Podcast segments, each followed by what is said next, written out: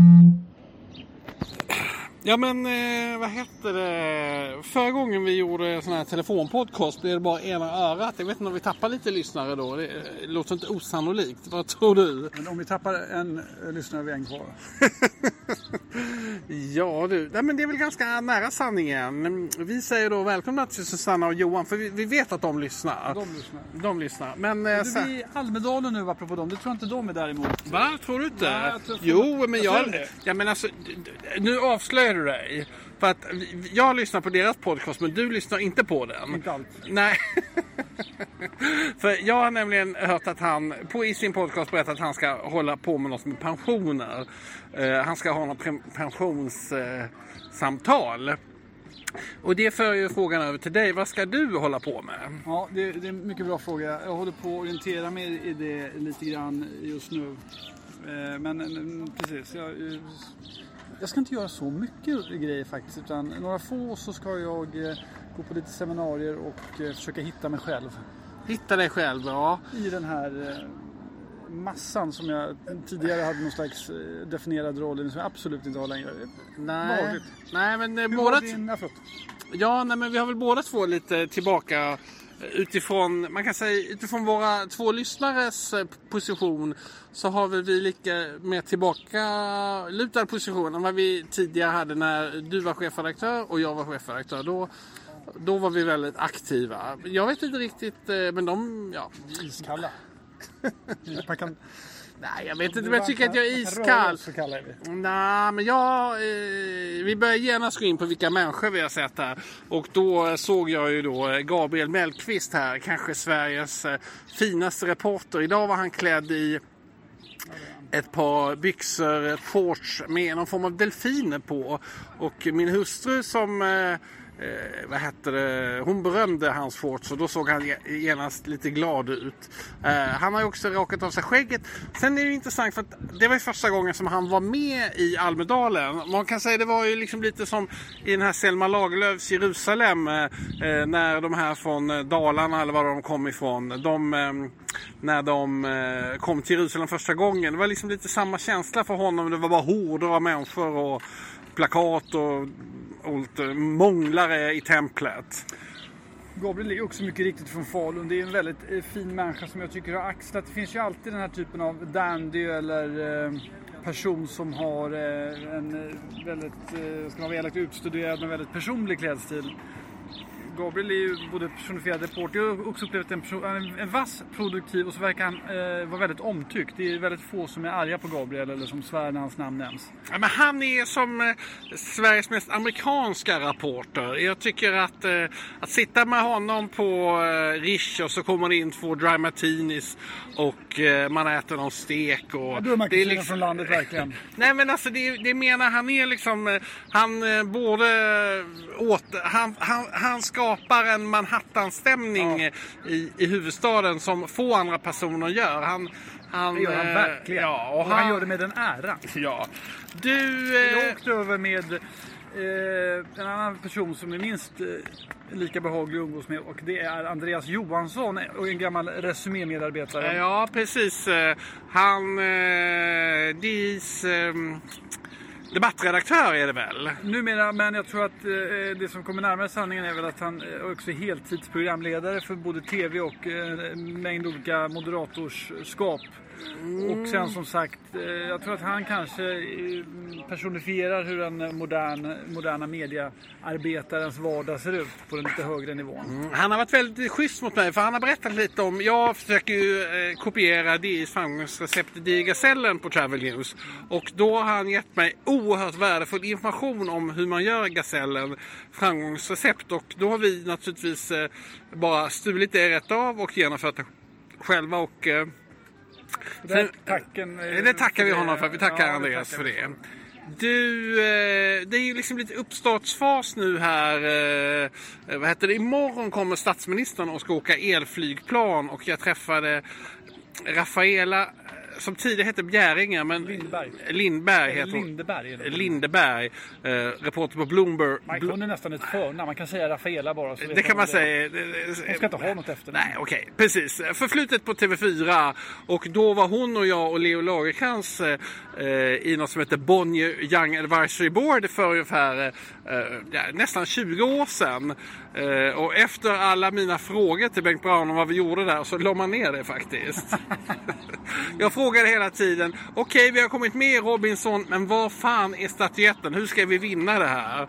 Och eh, ja, nej men eh, varken jag, eh, Rafaela eller eh, Leo Lagercrantz förde ju Bonniers. Jag vet fan, det var någon i den här gruppen som är, sitter i någon koncernledning nu. Jag har svårt att tro. Jag vet inte någon faktiskt. Ja, för den typen av namn du är helt utbytta. Men när du nämner Leo Lagercrantz och titeln debattredaktör i samma mening så kommer jag att tänka på tiden, på det vi har framför oss.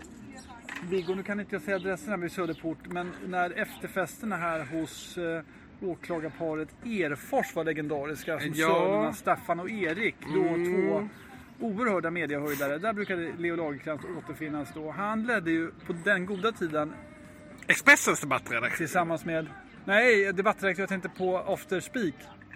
Som han och Lars Adaktusson ledde, kommer du ihåg det? Var det Efors med på den tiden? Nej, Lagercrantz. Nej men det var ju Efors och så var det ju Pelle Wendel.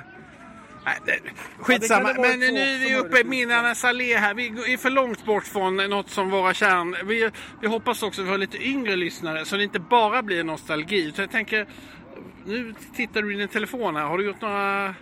Jag blir alltid nervös när du gör Ja, det. men du blir ofta nervös. Du kanske har anledning att vara det. Ja, absolut, absolut. Men så här, statsministern eh, imorgon ska åka elflygplan. Eh, det ska bli spännande. Vi i reseindustrin är ju väldigt positiva till att han eh, ska, ska göra det. Eh, det var ju det jag ska komma till poängen här med Rafaela. Hon sa ju så här, tänk att han vågar åka elflygplan nu efter Gröna Lund-olyckan. Eh, och dessa två har ju naturligtvis ingen som helst koppling till varandra. Men eh, tror du det är liksom, tror du den olyckan påverkar någonting här? Mer än att alla kommer att prata om den så att säga. Jag tror att den typen av eh, olyckor alltid påverkar själva den generella utgångspunkten av... Det ligger en, eh, eh, sordin över samhället i Ja. stort. Det är en sån otroligt tragisk eh, händelse och det är, klart att, det, det är klart att det på det sättet påverkar. Ja. Men statsministern, eh, som gammal ung moderat, eh, vad känner du? Gud vad billigt. Nej, jag tänker inte lägga av med det. Det, det är synsätt. Men var, varför, varför kan du inte bara... jag vet Ja, inte varför jag, men alltså, jag har ju jag erkänt här i jag- podden att jag röstar på Socialdemokraterna och jag röstar på Moderaterna och jag röstar på Centerpartiet. Men du verkar liksom... Du, du, du svävar liksom pratar- högt Nej, jag ovanför prata- Som partipolitiken. gammal kåkfarare, vad tycker du om statsministern? Ja, men Är det- alltså, det- det- Ja, men gammal, ja, men alltså, du, du gör allting för att liksom komma bort från... Jag kan berätta en rolig historia om statsministern. Ja, Innan han var statsminister så eh, på en valborgsmässoafton var vi på en, en, ett firande ihop som var helt opolitiskt. Men där var, kom statsministern med sin då präststuderande hustru. Var det när han var Nej, statsminister? nej, var långt, långt innan. Han- han var partiledare. Och då kom min dotter som eh, kan ha varit då nio år. Och så ryckte hon mig i armen och sa så här. Pappa, pappa, den där lilla farbrorn är jättelik moderatledaren. Jag tror också han hörde det. För jag kom fram och konfronterade honom. En gång på, eh, Sam, sa min dotter Siri, då kom Stefan Löfven gående på Biblioteksgatan när han var statsminister. Och då sa jag till Siri, där kommer statsministern. Och då hörde han det. Och då Ja. sa Siri, nej det är inte alls han. Och då vinkade han till henne och sa, jo det är jag faktiskt. Så gick han vidare. Det var väldigt bra. Ja, men det var ju väldigt eh, fin historia. Jag måste säga att jag... Alltså, får, det är ju sånt jävla gnäll på den borgerliga regeringen så att man, alltså, man kan inte förstå detta. Och alltså det är något... Alltså jag måste säga jag är lite chockad över det här gnället. Ja, men liksom, fan vilket jävla gnäll det är. Alltså, och jag tycker ju att nej, men jag tycker det verkar gå ganska bra. De har skrivit ett avtal som de har kommit överens om. De följer det här avtalet. Jag tror de flesta människor tycker att det här tidavtalet... Nej, men, ja, men för du har ju helt rätt. Men det är ju så här folk, folk röstar på ett, på ett parti.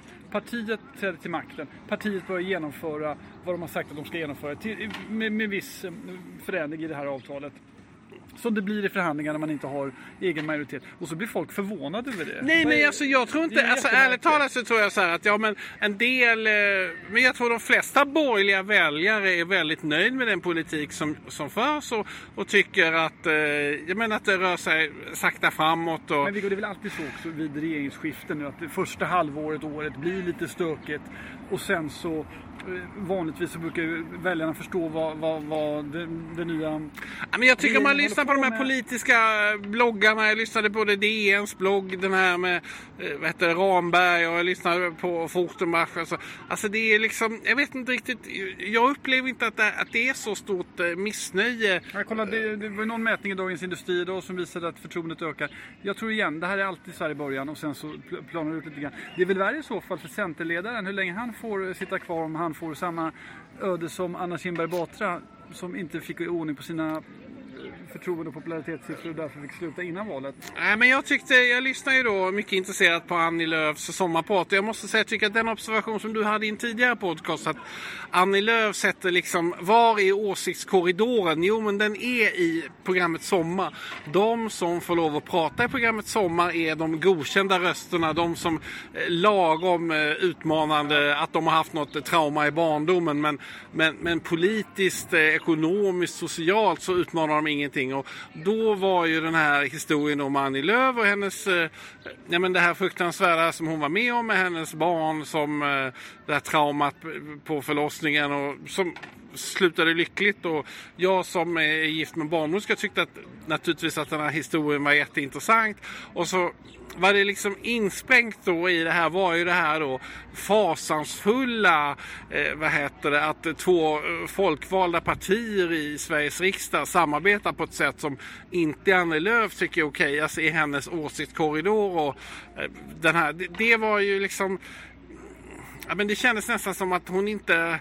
Eh, liksom, alltså jag förstår att när man är där inne på den här förlossningskliniken att man inte har kontakt med verkligheten. Men att hon på något sätt inte riktigt har kontakt med verkligheten eh, ändå så att säga. Det, ja, det var lite fascinerande på något sätt tycker jag. Jag tror att det, hände, det, det var fascinerande. Sen tror jag det händer ju alltid någonting när man får barn. Jag kommer ihåg att jag kunde inte skriva elaka artiklar när jag fick barn efteråt. Jag blev ju en otroligt eh, feg reporter under en period. För jag tyckte så synd om alla. Jag tyckte de såg, man såg liksom barnet i sig självt. Jag säger inte att det på, på något sätt har varit så för Annie Lööf. Men det är en omvälvande förändring i ens liv. Och speciellt om det är så dramatiskt som det var när eh, Annie och Carl-Johan Lööf fick barn. Eh, men eh, tror du att hennes efterträdare kommer sitta till nästa val? Nej, jag tror att... Eh, alltså... Där det vore nästan mest lämpligt om, om Centern gick liksom in och blev någon slags bondefraktion inom socialdemokratin. För på egen hand, vad ska de uträtta? Vad ska de vara? Detta förvirrade parti som å ena sidan vill vara nyliberaler och å andra sidan vill gå i säng med Socialdemokraterna. Vilket innebär att man måste vara i samma säng som Vänsterpartiet och Miljöpartiet. Det är på något sätt, hur ska några väljare kunna tro på detta? Eh, någon det slags, det, det, där är någonting, det är inte trovärdigt att, att det här ska fungera. Det är, liksom, det är det jag menar, verkligheten ser inte ut på ett sätt som, som Annie Lööf lever i. Alltså, idén när man kan avfärda Sverigedemokraterna som enkom rasister känns liksom den är, inte, den är inte sann den verkligheten. Och den sista som upptäckte detta och på något sätt, fast han, det är ju vår favorit Jens Liljestrand. Han, han, han skrev i någon artikel att ah, jag har haft fel hela tiden. Och, ja men, ja, alltså på något sätt är det som Alltså att man, han vågar ju inte säga, ja, men Sverigedemokraterna har haft rätt på avgörande punkter i, i, i svensk utveckling och nu, nu, nu förstår vi detta. Jag vet inte riktigt.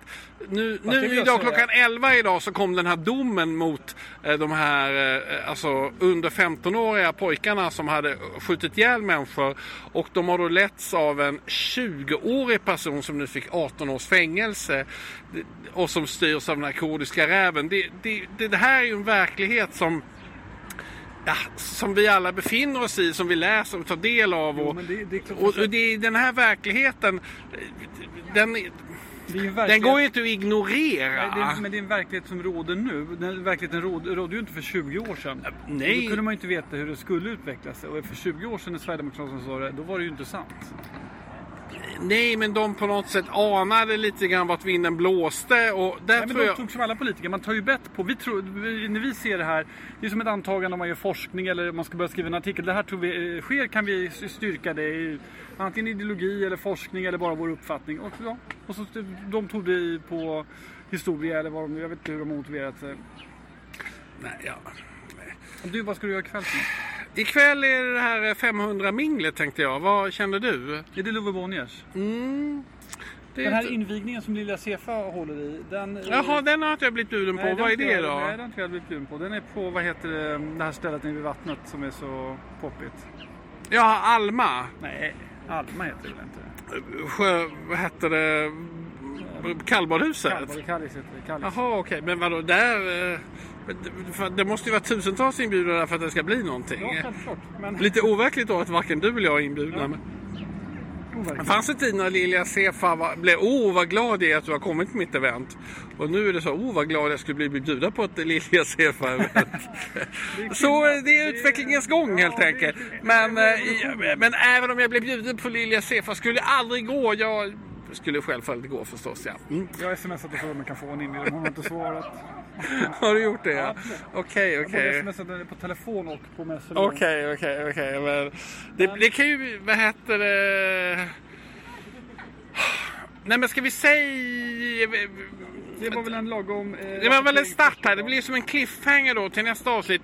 Som ni förstår då så är vi här i Almedalen och vi, vårt, plan, vår, vårt, vår plan, vår, vårt mål är att podda eh, en kort podd om dagen. Lite som, ja, som ni har nu upplevt helt enkelt. Och då blir det som en cliffhanger då. Kommer du att gå på Lilja Sefas kalas? Och kommer jag att, eh, eller jag kommer ju gå på 500-kalaset. Ehm, Jag skulle allra helst av allt vilja få ett bord på Surfers ikväll, men det har jag inte lyckats med heller. Nej, oj, oj, oj, oj. Ja, men är du... Ja. Sen Mm. kan ta sista båten hem istället. men nej, det, det tror vi inte på. Du, eh, ja men vi är väl nöjda va? Ja, precis. Vill du ha något mer dricka? Nej, jag är nöjd. Jag är nöjd.